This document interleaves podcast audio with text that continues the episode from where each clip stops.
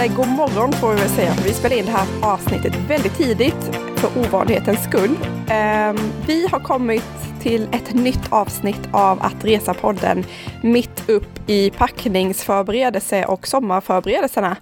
Ehm, jag heter Annika Myhre och bloggar på resfredag.se och min poddkollega heter Lisa Falåker och bloggar på livetfråndenljusasidan.se.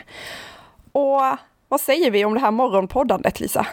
Ja, jag vet inte. Vi brukar ju podda sena kvällar. Men samtidigt kan det märkas ibland att vi har lite låg energi. Så nu testar vi att göra det här tidigt på morgonen innan barnen ens har lämnat för fritids och eh, skola. Och eh, så får vi se hur det blir med energinivån idag. Men mitt i packningsförberedelser säger du. Vart är du på väg nu då? Ja, det är roadtrip igen roadtrip i Sverige. Yay. Den här gången kommer jag och Tobias och alla tre barnen åka norröver. Och för ovanlighetens skull, Lisa, så är det jag som är på väg till Åre, vilket ju känns jättekonstigt. Jag är så avundsjuk på det. Alltså, är det några bilder i mitt flöde nu så här i början på sommaren innan folk riktigt har fått semester. Det är midsommarveckan när vi spelar in det här. Eh, men då är det bilderna från Åre och fjäll och jag längtar så sjukt mycket efter det. Så att ja, du har något härligt framför dig här under midsommarhelgen i Åre. Ja, jag hoppas det. Väderprognosen säger ju inte det, men så brukar det väl vara. Och jag har hört också att det finns ju inget dåligt väder i Åre heller, utan det är, vi, vi, får rota i funktionsklädeslådan. Ja. Eh, efter Åre så väntar Östersund där vi ska vara eh, några dagar, så det är verkligen fokus på att åka norrut som inte jag är så himla van vid. Så det ska bli jättekul att se vad som eh, norra delarna, eller ja, norra delarna av Sverige. För mig är det det som kommer från Blekinge. Men för andra skulle väl säga att det inte alls handlar om norröver. Nej men lite så, jag, eh, eller alltså det är klart att det är norr eh, alltså att det är nordliga delarna utav Sverige. Men jag är ju som du vet, eller som alla lyssnare vet, mycket i Åre och vi åker dit och jag tycker att det är långt. Uh, åker gärna tåg, tar sig 6-7 timmar kanske om man åker direkt. Och uh, jag vet inte om vi har pratat om det ens, men i början på maj var jag i Riksgränsen och uh, åkte sommarskidåkning. Eller det var i början på maj, det är, inte, det är fortfarande säsong där så det är inte så, utan det var de hade, höll ju på i flera helger till. Man kan ju nästan åka fram till midsommar där vissa år, inte i år tror jag för det har varit för lite snö. Men då åkte jag ju tåg i 16 timmar för att ta mig upp. Och eh, visst, det gick nog kanske lite långsammare och det var på natten och sådär. Men det bara säger ju en del om hur långt vårt land är. 16 timmar från Stockholm till Riksgränsen med tåg. Helt otroligt. Sex, ja. 16 timmar, det är nästan ett dygn. Ja, ja, men det gick så bra. Alltså tåg dit. Fantastiskt verkligen. Och eh, resan som sådan var underbar. Alltså jag har fått sån mer smak på de nordligaste fjällen och det är ju skillnaden faktiskt mellan Åre och Riksgränsen. Att i Riksgränsen där är det verkligen de här vilda fjällen. Det är kargt, det är, det är liksom ovan trädgränsen nästan hela tiden. Det är ja, men väldigt speciella fjäll och berg och vidder. Sen älskar jag Åre verkligen så mycket och tycker det är så vackert. Men det är en annan sak, det är mer skog och liksom den biten. Men i alla fall finns det mycket, mycket land kvar innan man är vid eh, riksgränsen och eh, våra nordligaste delar faktiskt från Åre. Men det är klart att det är norr och jag tycker du är helt rätt i det. Det är ju så bra, alltså Åre på sommaren. Och Östersund och Jämtland och ja, men överhuvudtaget åka norrut, det känns som en hit. Mm, du får återrapportera här om några veckor. Mm. Eh, däremot så märker jag nu, Lisa, att jag är ingen trevlig person vad det gäller packningsförberedelser. Jag, jag, blir så medveten om det varenda gång och extra mycket nu idag eh, och igår då när jag höll på som mest igår kväll. Jag blir så otrevlig och jag går in i ett packningshumör där jag liksom, det, ingenting får störa mig. För då blir jag jätteirriterad. Jag blir jätteirriterad på barnen, på Tobias, på alla som är i närhet. Jag vill liksom gå in i min lilla packningsbubbla och bara köra. Och i vanliga fall så brukar jag vara ganska duktig på att liksom Äh, att det inte märks så mycket för att jag förbereder packningen så långt i förväg, att jag lägger fram hela veckan om vi ska åka någonstans med familjen, så har vi matsalsbordet som fylls upp efterhand. Så då märks det inte så mycket. Men nu har jag inte gjort någonting i förväg, utan det var liksom lite panikpackning här och det, det är inte bra. Det blir inget bra. Nej, det blir inte bra. Men du, den där grejen med att lägga fram det man ska ha på matbordet och gå och se det i flera dagar, den känslan är ju så härlig. Jag brukar inte göra det så ofta men det är nästan ett barndomsminne som jag har som jag känner nu när du säger att när mamma och pappa, alltså man reste inte så mycket, eller vi reste inte så mycket när vi var barn. Absolut inte som vi gör nu. Och de där gångerna när det där matsalsbordet började fyllas upp med packning. Alltså, jag tänker det nu att jag, det är en känsla som bara är så härlig som hänger kvar i min kropp från dess. Den är bra. Men anledningen till att du inte har hunnit göra det är ju för att du nyss har varit iväg på någonting annat. Så jag antar att det är säkert därför som du går omkring och känner dig stressad och så. Ja, så är det ju. Det här är ju ett väldigt tacksamt bekymmer att jag känner mig lite, eh, lite stressad eftersom vi har ju precis varit iväg. Eh, förra veckan så var vi till Göteborg. Då körde vi ner till Göteborg Eh, för att hälsa på svärmor och eh, för att hälsa på barnens kusiner. Hela min mans släkt bor på den sidan Sverige. Eh, och så, och så lämnade vi barnen där hos sina kusiner och åkte till Irland, jag och min man. Så vi har roadtrippat på Irland precis alldeles nyss. Ja, men det såg ju så bra ut. Men jag har inte hunnit uppdatera mig så mycket på, på din resa, vad ni gjorde och så. Men jag har ju fattat att ja, men ni roadtrippade runt. Hur långt åkte ni? Vilken del utav, utav Irland och så? Vi landade i Dublin och sedan, alltså jag och min man då, vi, vi hade ett dygn tillsammans själva. Eh, och sen mötte vi upp kompisar som också flög in till Dublin och gjorde resten av resan tillsammans med dem. Men under mitt och Tobias dygn som vi hade, då ville vi verkligen hajka. Vi ville ha Irlands hajkupplevelse. Och första gången jag, alltså när jag gjorde min research för länge sedan, jag har faktiskt inte hunnit göra så jättebra inför den här resan, men jag hade en baktanke att vi skulle till ett ställe som hette Sliver Leach, som ligger på västra sidan, alltså nordvästra sidan av Irland. Och egentligen så hade jag bara sett någon Alltså du vet, jag googlade bästa naturupplevelsen, bästa hajkerna. Och någonstans så var det någon som tipsade om det här stället. Eh, påminner faktiskt ganska mycket om, eh, om Cornwall, längst ut vid Lands End. Alltså det är väldigt dramatiskt, väldigt, väldigt dramatiskt, jättehöga klippor och eh, hav som liksom slår in mot klipporna och en vandringsled som går liksom över, upp och ner, nästan lite så här Inkaleden-känsla över trapporna, stentrapporna som gick upp och ner för de här klipporna då. Så dit ville vi. Och vi blev också lite sådär eh, lockade av beskrivningarna som var, ja men ni får inte gå hit när det är dåligt väder för det blåser jättemycket, det är väldigt, eh, ja ni måste veta vad ni gör, du vet sådär. Mm. Eh, det, det lockade oss, den lands, det landskapet och de vyerna. Och när vi kom till den sidan av landet, det tog oss ungefär fyra timmar, fyra, fem timmar att köra från Dublin. Vi tog god tid på oss och det är väldigt slingriga vägar, ganska dåliga vägar emellanåt, väldigt smala. Och eh, personerna runt omkring oss, alltså irländarna själva, de kör ganska Alltså det spelar ingen roll om du är lastbil eller bil, du kör likadant ändå.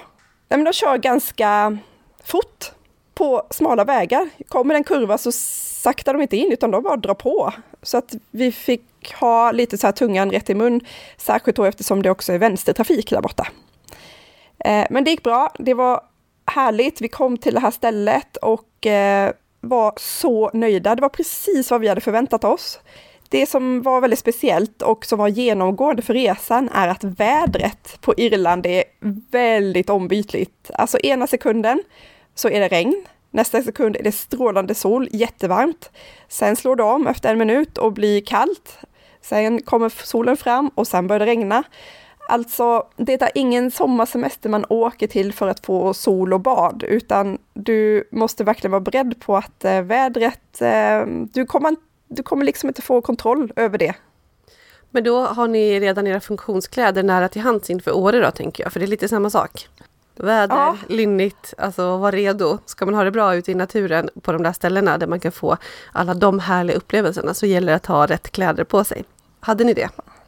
Ja, men det hade vi. Ja. Jag, jag kände mig nöjd med packningen. Jag, in i det sista så undrade jag om jag skulle ha med gummistövlarna. Mm. Och Eh, det tog jag inte. Och det var nog ganska, de behövdes inte. För det blir liksom inte så här hällande regn utan det räcker med att du har impregnerade bra skor liksom. Ja men du, jag har ett par sådana här vandringskängor, fast inte kängor utan som är som ett par grova löparskor typ med grov sula under och som är med Gore-Tex. De är ju fantastiska.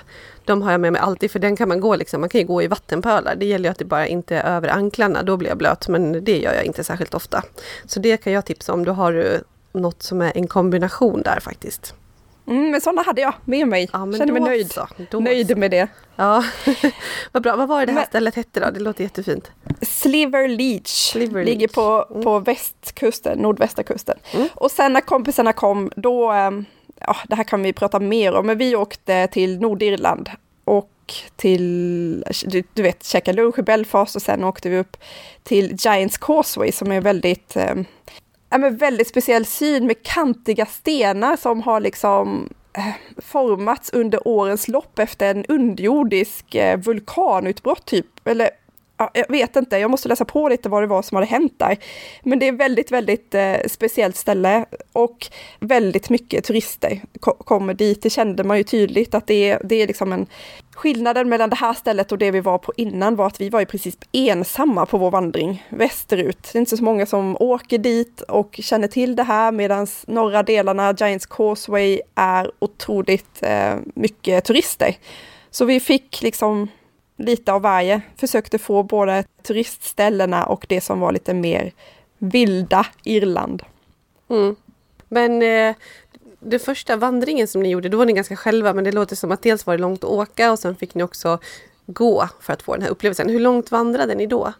Eh, vi, alltså man hade kunnat gå tre, fyra timmar på den här vandringsleden. Det finns ganska många olika vandringar att välja på i det här området. Men vädret var väldigt extremt när vi var där. Det blåste supermycket och blev snabbt eh, mörkt. Vi kom lite lite för sent på kvällen.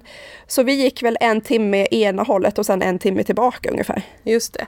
Och sen nu när ni var bland de här stenarna på Giants Causeway, då kunde man gå också. Det finns vandringsleder eller är det bara så att man åker dit och tittar och hänger runt liksom? Nej, det finns vandringsleder där också. Mm. Bra, bra med vandringsleder. Och eh, det är många som åker till Irland och vandrar. Det finns jättebra eh, möjligheter att vandra där. Så det, det rekommenderas. Och folk, som, äh, folk i flygplanet som vi åkte med var redan kittade med vandringskängor. Liksom.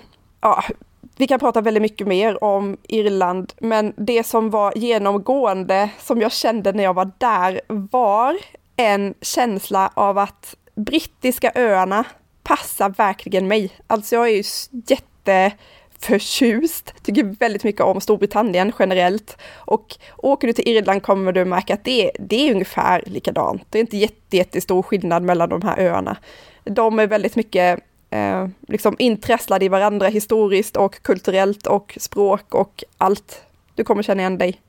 Mm. Ja men det är det intrycket man får. Och klimat tänker jag. Och ja, men var det några andra ställen som ni besökte som du kände att det här vill jag tipsa om? Eller någonting som du hade fått tips om och kanske inte hann till eller så? För nu har vi ju kommit in så mycket på Irland så det är väl lika bra att vi grottar ner oss lite i det för den som sitter och har blivit lite Irlands eh, intresserad. Ja, vi hade fått tips av våra kompisar om ett ställe att bo på. Lite, det var där den här resan började. Vi bokade resmål efter boende, vilket är väldigt, väldigt ovanligt för mm. mig.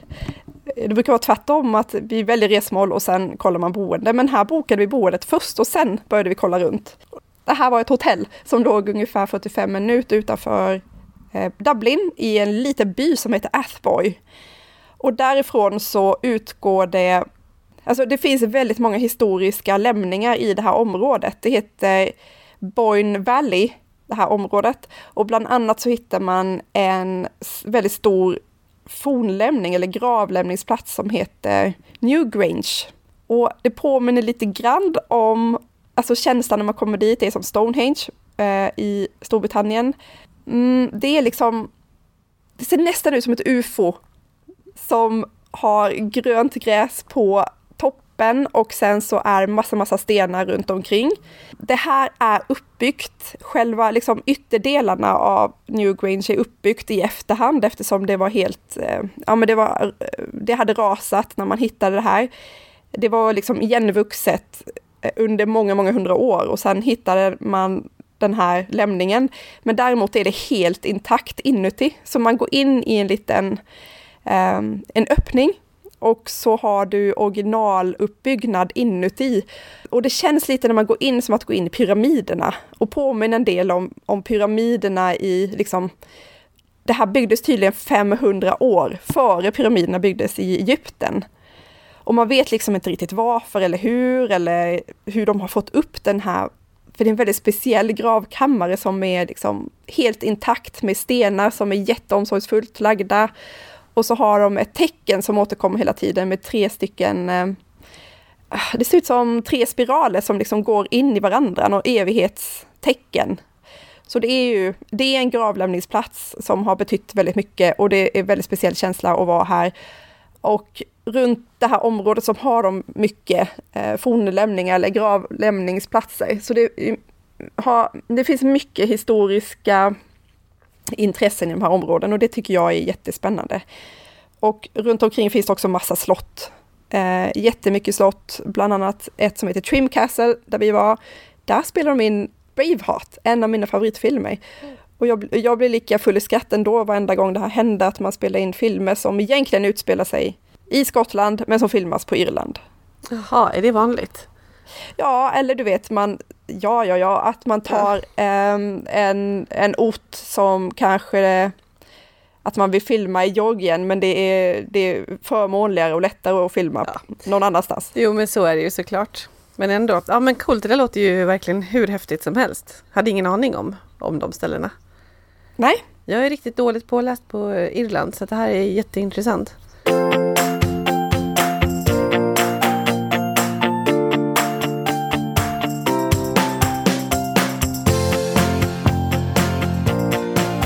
Men du, jag tänker på, du är så förälskad i Skottland. Du måste ändå göra en liten jämförelse. Irland versus Skottland. Jag fick nästan, du får rätta mig om jag har fel, men jag fick nästan en liten känsla av att eh, du tyckte mycket om Irland, men ah, det är inte som Skottland. Skottland är ändå topp. Mm, jag får väl säga att du hade helt rätt i den känslan faktiskt. Eh, och, och det här är ju, alltså vi är ju subjektiva, det här är vår podcast och vi får säga precis vad vi tycker och tänker och så är det ju. Jag vet innan vi åkte hem så sa Tobias, min man, att eh, han tyckte att Irland är en blek kopia av Skottland. Alltså, oj, det är ganska hårt. Det är väldigt, väldigt hårt. Ja. Och och där håller jag inte med honom. Jag tycker inte att det är så. Jag tycker att det är orättvist att döma ett land efter fyra dagar. Vi har ju rest runt så mycket i Skottland så vi har hunnit se så mycket. Ja. Det, det, finns ju otroligt vackra platser på eh, ja, västra sidan av Irland som vi inte hann med att upptäcka eller liksom södra delarna. Så vi får komma tillbaka och se. Eh, men generellt känslan jag hade är att jag, jo, jag tycker om Skottland bättre än Irland. Irland är fantastiskt, men Skottland för mig betyder mer och jag får en... Eh, ja, jag, jag skulle säga att det vinner i tio fall av tio. Ja. Men du har ju varit där mer också, så, så att vi får väl rekommendera våra lyssnare att göra både och. Men själv känner jag spontant att jag är mer nyfiken på Skottland än Irland. Men efter bara det du berättar nu så är det så här, ja nej men jag får nog lägga Irland på någon form av framtida to-do ändå. Mm. Det tycker jag. Det tror jag att du mm. kommer tycka om jättemycket. Mm. Men du har faktiskt pratat till och med om Skottland som något ställe som du kan tänka dig att bo på. Att så här, dit kan jag tänka mig att flytta. Vi gör det. Mm. Absolut. Det är verkligen en av de platserna på jorden som jag vill flytta till på riktigt. Alltså inte så här, åh, det skulle vara härligt att bo i USA, men Skottland, där, där vill jag bo på något sätt. Eller Storbritannien generellt och prova det. Jag har, alltså, det är så lättillgängligt och ändå har jag aldrig fått eller tagit chansen att faktiskt flytta dit och vara au pair eller plugga eller eh, bo där med familjen. Och det, jag hoppas verkligen att det kommer bli av. Tobias har ju bott där borta i två år, så han är väl inte helt främmande, men han tycker också att det är lite eh, ja men det är lurigt nu när barnen blir äldre och hur ska vi få ihop det och för egen del så, så har jag väldigt stor anledning att flytta dit eftersom min stora syster bor där. Hon bor i Dundee utanför Edinburgh och jag är väldigt nära min syster och känner att jag saknar den här vardagliga kontakten med henne och skulle tycka det var så kul att få det, i alla fall under ett halvår eller en termin eller så. Men även om det som ni väljer när ni nu ska åka till Thailand igen och vara där och ha barnen i svensk skola så tänker jag att det ändå kan påverka barnen i att det känns som en naturlig grej att man kan åka och göra några månader eller ett halvår i en annan skola någonstans. Så det kanske är så att det inte är så himla långt borta ändå. Ni kan göra både och även om Thailand som ni väljer en otrolig kontrast mot Skottland. Jo, men, men så är det och jag tror att har man en gång testat och eh, var borta under en längre period utomlands med barnen, då är steget inte jättestort att göra det nästa gång. Nej. Sen för egen del just nu så är det ju skönt att veta att det finns svensk skola när man åker dit och det är därför vi tar Thailand nu bland annat igen. Vi vet att skolan funkar där. Eh, barnen trivs, vi har värmen på vinterhalvåret och vi har liksom byggt upp någonstans en, en rutin kring det där, hur konstigt det än låter. Men jag, om jag hade fått välja, och det här har jag sagt några gånger, så hade jag jättegärna testat någonting annat den här gången. Det är liksom tredje gången gilt. Jag hade gärna sett att vi bodde någon annanstans med barnen, men jag får inte med mig Mr. Myre på det här. Nej, och det är ju bra om man kan åka tillsammans. det vill man gärna. Ja, ja. men vad härligt. Men eh, samtidigt som du säger, gud få värmen på vintern och göra någonting helt annat som är ta bort de där tråkiga månaderna som jag inte ska säga för jag älskar ju vintern och med skidåkning och alltihopa. Men i alla fall att bara leva lite enklare, det blir ju det. Gå ut i sina flipflops. Men vi har ju pratat om det här Lisa, så mycket den senaste tiden. Ja. Om den här drömmen att ja flytta utomlands, att bo utomlands, göra det, ta steget och hur tänker vi kring det? Vill vi det och varför vill vi det i så fall? För du var ju helt frälst när du kom hem från din jobbresa till Indien. Du var liksom ja. helt Ja, vad hände egentligen där borta? Vad hände egentligen? Alltså jag har ju varit i Indien förut, alltså just och jobbat här. Det här är Chennai, en storstad, så det är inte så att oj, nu har jag åkt upp upptäckt eller upplevt Indien, det kan man inte säga. Alltså samtidigt så upplever man ju väldigt mycket Indien av att vara och jobba där. Det är inte så att jag går ut och ser all natur och alla så här ah, hit ska du åka, det här ska du göra. Det gör jag ju inte. Men jag umgås ju med indier 24-7 typ. Och kan fråga spontant frågor om, från liksom jobb, det är ju jättemycket jobbfokus när jag är där såklart, men ändå fråga om annat. Hur funkar det här? Hur är det? Så att jag får ju verkligen vara med i kulturen, även om det här är ett visst eh, samhällsskikt, så, de som jobbar med den typen av arbete som de jag jobbar med där. Men jag vet inte jag har varit det en gång innan men den här gången kände jag ännu mer att det var någonting jag bara var i och kände att jag vill ha den här upplevelsen och under en längre period. Alltså vi har pratat om det här lite grann med drömmen om att flytta utomlands och så. Eh, och jag har tänkt att Alltså vi har alltid pratat om det, jag och Henke och i vår familj ska vi göra någon sån här grej men jag tror att vi har nog känt att vi har möjligheter på ett sätt genom våra jobb om vi verkligen skulle vilja. Alltså det behöver inte vara en ouppnåelig dröm, utan det kan vara en dröm som vi kan ta ägandeskap för att förverkliga. Och den tanken är ju ganska mäktig, men det innebär ju också att man inte behöver gå omkring och drömma om det konkret varje dag, för att vill vi att det ska hända så får vi se till att det händer, vilket innebär att det är en avlägsen dröm, någonting som vi vill göra någon gång, men vi vet inte när. Och suget har inte varit tillräckligt stort. Och det handlar väl om att Ja, vi bodde ju i New York en period innan vi fick Stella. Jag var gravid med henne där, vårt första barn. Och hon fyller tio nu, så det här var alltså exakt tio år sedan här nu på vårkanten. Um, och sen kom första barnet, man blir påverkad av det. Sen kom barn nummer två. Sen köpte vi ett uh, boende vi trivdes superbra i. Sen när det kommit nya jobb och ja, men du vet, det har hänt någonting hela tiden. Eh, vi flyttade till vårt hus som vi verkligen älskar och verkligen har landat i och jag älskar vardagslivet. Alltså det finns ju många som pratar om det här med att släppa ekorrhjulet och vad man håller på med, men jag lovar att jag väljer varje dag. Jag älskar att bo in mig i ett område där jag känner grannarna, har koll på området, där barnen går till skolan, där de har kompisar runt om, eh, en skola vi trivs med att vara fotbollstränare i fotbollsklubben, det som är Max högsta intresse och Stella har sin handboll eller sina, sin yoga, sina kompisar, allting som är deras liv. Jag väljer det varje dag. Jag vill inte ifrån någonting och jag tror att det är därför som jag inte har känt den här drömmen så himla starkt. Men i Indien så kände jag att nej, det var länge sedan jag var i en kultur på riktigt nu under en längre period. Och jag ser kanske inte att en längre resa riktigt ligger på, på nära sikt heller med tanke på skola och så. Eh, och så träffade jag lite personer som faktiskt bor och jobbar där och jag kände att nej, jag, jag vill göra det här. Och när, när ska det vara liksom? Det blev mycket mer konkret. Och eh, jag vet inte, jag tror just att det, att det var det här med drömmen om att vara en period i någonting helt annat. Och jag blev också sugen på Indien, vilket i sig är lite speciellt, för någonstans innan har jag tänkt mycket på ställen som Singapore eller Hongkong eller men sådana som är lite lättare och lite mer välkända. Eh, så. Alltså, där man lever på ett ganska västerländskt sätt ändå, men har mycket kultur också. Men vad jag kände i Indien var att det är så sjukt stark kultur och så härligt. Det är så mycket som händer och för mig så exploderar ju alla sinnen när jag är i den miljön. Det är som att det är någonting inuti mig som bara vecklas ut och som behöver få plats. Och det händer i de här speciella situationerna. Eh, och jag kände att det där behöver nog få veckla ut sig lite längre snart, någon gång så. Så ja, men jag blev oerhört sugen på det.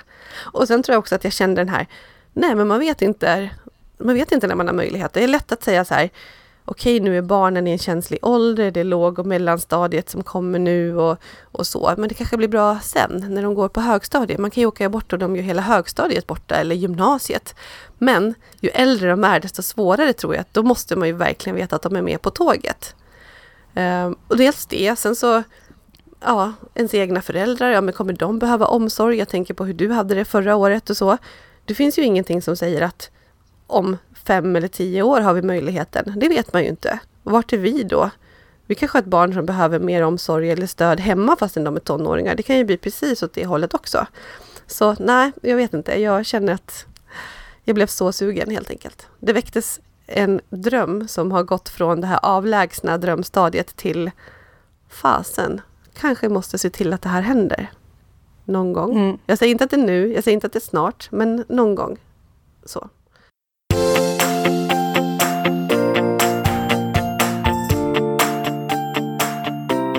Men det här är en väldigt intressant diskussion och fråga sig när i tiden är det bäst? När passar det bäst att uppfylla en sån här typ av dröm, att flytta utomlands?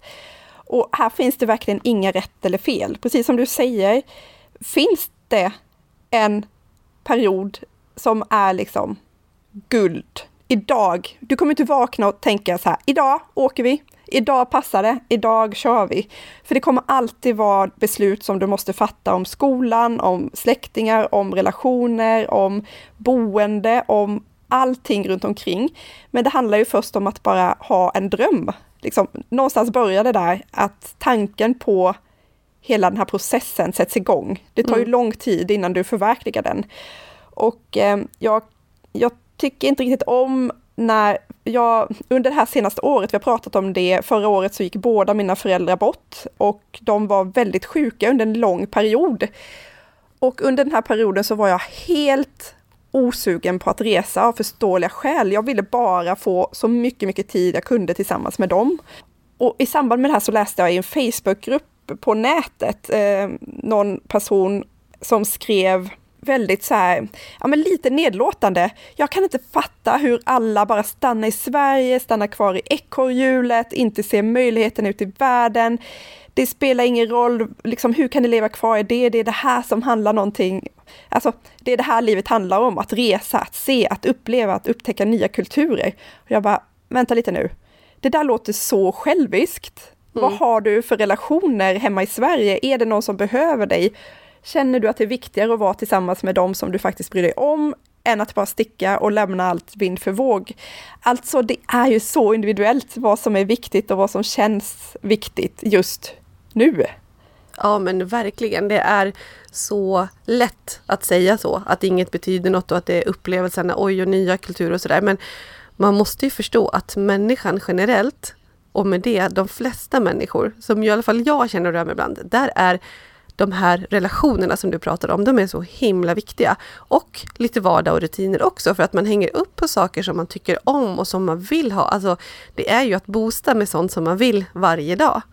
Det spelar ingen roll om det kan vara ytliga saker som vart man bor, vilken säng man ligger i eller så. Men det är också mycket bara ja, men den vardag och det liv man har skapat i en vardag. Och dagen man får barn, alltså det här kan ju också låta rätt provocerande för den som inte har eller sorgligt och så för den som vill ha och inte har. Men man fattar ju då, man får ju en känsla av vad som är viktigt på riktigt. Alltså det är ju verkligen, det är på plats 1 till 10 no matter what. Och hur mycket man än pratar, åka på resor utan barnen eller ha ensamtid eller att man är utarbetad och sjukt stressad som ekorrhjulet utan tvekan bidrar till. Så skulle man ju aldrig, eller jag skulle aldrig välja bort det. Aldrig. Nej, så är det. Men ändå så är jag nyfiken på äventyret också och jag vill inte vakna en dag och känna att jag hade den här drömmen och faktiskt aldrig gjorde det. Och det är nog det som jag känner nu som gör att det känns som att jag har gläntat på dörren och att jag skulle vilja att det här händer. Och som sagt, jag vet inte när i tiden, men det skulle kunna vara om tre år. Liksom. Men jag har gläntat på den dörren för jag känner att det är någonting jag vill ha upplevt i mitt liv. Och jag vill inte titta tillbaka och känna att jag inte har gett det chansen. Men just nu Nej. ligger det ganska långt borta, men ni åker ju i alla fall till Thailand. Ja, det gör vi och det känns jättekul och jag är så Uh, ja, men jag ser verkligen fram emot det och jag vet ungefär vad jag kommer förvänta mig. Men, men jag är verkligen inte helt främmande för att åka någon annanstans också och håller på att bearbeta um, personerna, personen här hemma.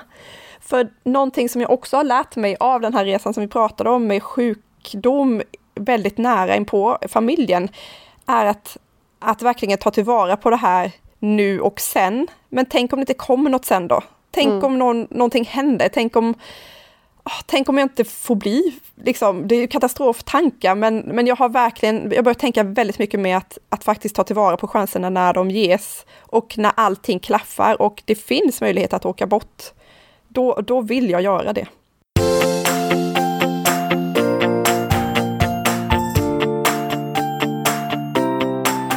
Vi har ju en sponsor med idag också, apropå det här ämnet. Och eh, det är EF Education som har mycket språkkurser och så utomlands.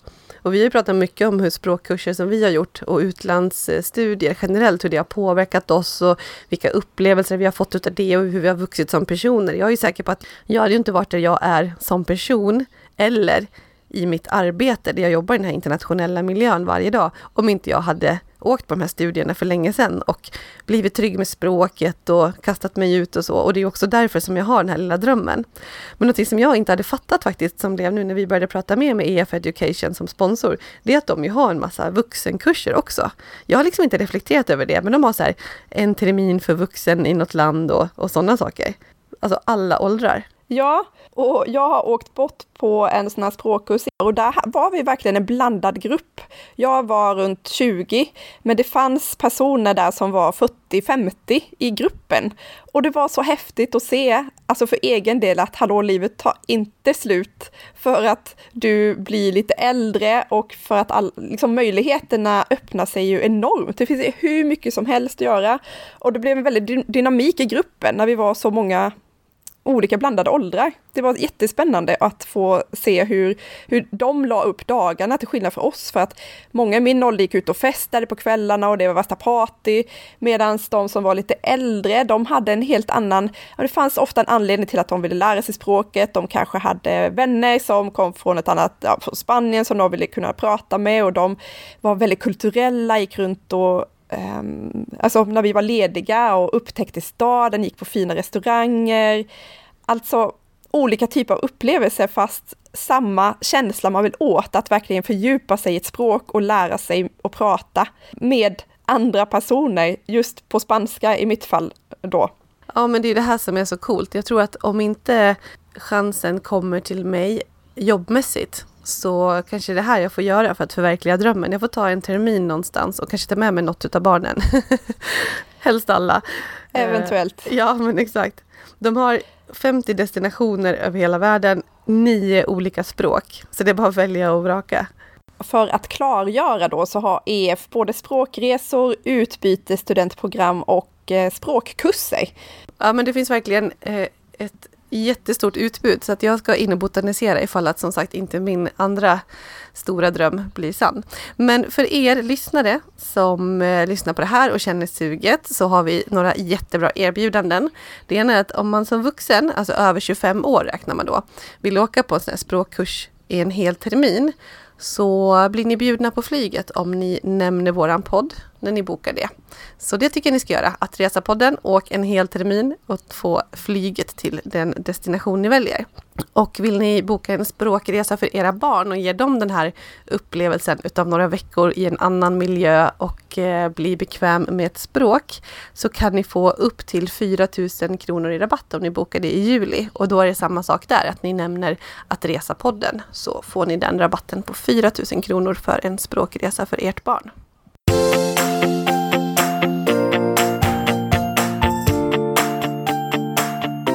Men om vi spolar fram i tiden och pratar om dig nu Lisa efter den här resan som du hade när de här tankarna började snurra. Vad, vad tror du är rimligt? Vad tror du ni kommer hamna?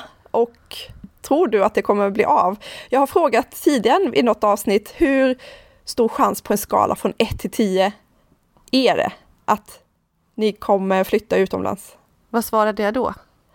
Den siffran var inte jättehög har jag för mig faktiskt, Nej. för att då var, du, var, då, då var du inte alls speciellt inne och trivdes väldigt bra ja. Eh, med, med hemmalivet. Ja men det gör jag ju nu också, det har ju inte förändrats. Nej men det, jag har gläntat på dörren vilket innebär att jag kommer liksom vara lite så här beredd på om någonting dyker upp. Men sen älskar jag som sagt livet hemma. Jag tycker verkligen om mitt jobb, min arbetsgivare eh, och så. Så att eh, jag vet inte. Och sen måste det vara rätt ställe för att å ena sidan så är det så här, det måste vara ett expat, alltså att man får ett uppdrag där man får det andra runt omkring lite serverat med boende och hjälp med att få in barnen på skola och sådana saker. För att annars blir det för dyrt och för mäckigt med tre barn. Å andra sidan så tror jag inte att min man är särskilt sugen på att vara en hemmaman. Så på det viset skulle det egentligen vara lättast om han fick ett uppdrag. För jag tror att jag också när jag kommer hem har lättare för att Eh, komma in i arbete igen och veta att jag får ett likvärdigt jobb och kanske till och med på samma ställe medan hans är lite mer nischat. Så det är en lite stor, det är faktiskt ett stort hinder att jag vill säkra att det här livet väntar på mig när jag kommer hem igen, det vill säga möjlighet att bo på samma ställe, vilket kanske kräver två inkomster och du vet så. Så att det är den som jag kan vara lite skraj för också. Vad innebär det när jag kommer hem? Inte vad är livet när jag är borta? För det, det känner jag mig väldigt trygg i. Liksom. Så det är ganska mycket som ska klaffa och då är det så här, ja, men det måste vara rätt städer och vi ska kunna kanske få möjlighet att jobba båda två eller så. Så att det är inte, det är inte nära. Men eh, dörren är gläntad och jag skulle säga att eh, om det händer så ska det hända inom tre år. Jag säger så då. Ingen siffra fick jag. Nej. Nej. nej, nej, men det kan Du var väldigt, väldigt, väldigt, diplomatisk. Det här är ingenting som vi kan prata om i varje avsnitt för då kommer folk bara, men sluta snacka. nej, men eh, ja, drömmen. Mm. Nej, men jag ser fram emot att, att följa det här och om det inte blir av så finns ju möjligheten att åka iväg några veckor och plugga lite. Ja, men det är så jag tänker att om det inte blir med en stor konstant sån dröm, då kommer det nog kanske behöva bli en sån, ja, antingen en sån språkresa och komma iväg en period på det. Eller en sån typ av exit som ni gör med några månader där man bara liksom gör en kort förflyttning och kanske så är ledig en längre period ja, det måste det finnas inom en överskådlig framtid. Jag, jag kan också tänka att eh, det som alla pratar om, när jag blir pensionär, när jag går i pension, när jag liksom blir äldre, så vill jag ut i världen och resa massa. Men då tänker jag, jag undrar om jag är lika sugen, om man får barnbarn och har hela den här Nej. All, allting hemma vid. Jag, jag undrar vad, vad, jag På tal om idealperiod. Ja, men exakt, för den kan jag tänka också att det är givet som pensionär. Men jag har förstått från eh, folk som har barnbarn i min närhet så att säga. Nej men att det verkligen kan vara så att då är man inte sugen åka och lämna de här små barnbarnen. Man vet inte hur mycket tid man har med dem och de blir stora så snabbt och du vet så. Så ja. Med det sagt så får vi väl avsluta med att den där drömmen om att flytta utomlands den är påtaglig och du gör det snart med Thailand men inte Skottland. Även om du har haft en fantastisk eh, resa till Irland. Oj, vilken, vilken sammanfattning! Ja, ja verkligen. Ja, Men hörni, vi har snackat på så att det räcker för idag. Nu hoppas jag att, att ni har en riktigt härlig inledning på den här sommaren. Vi har den bästa månaden framför oss här. Och eh, lyssna på mycket poddar, lyssna ikapp på gamla avsnitt och eh, skapa en eh, plan och nya drömmar för framtida resor. Gör det. Själv ska jag återgå till mitt packningskaos och eh, gå in i min lilla bubbla och hoppas att ingen kommer i vägen.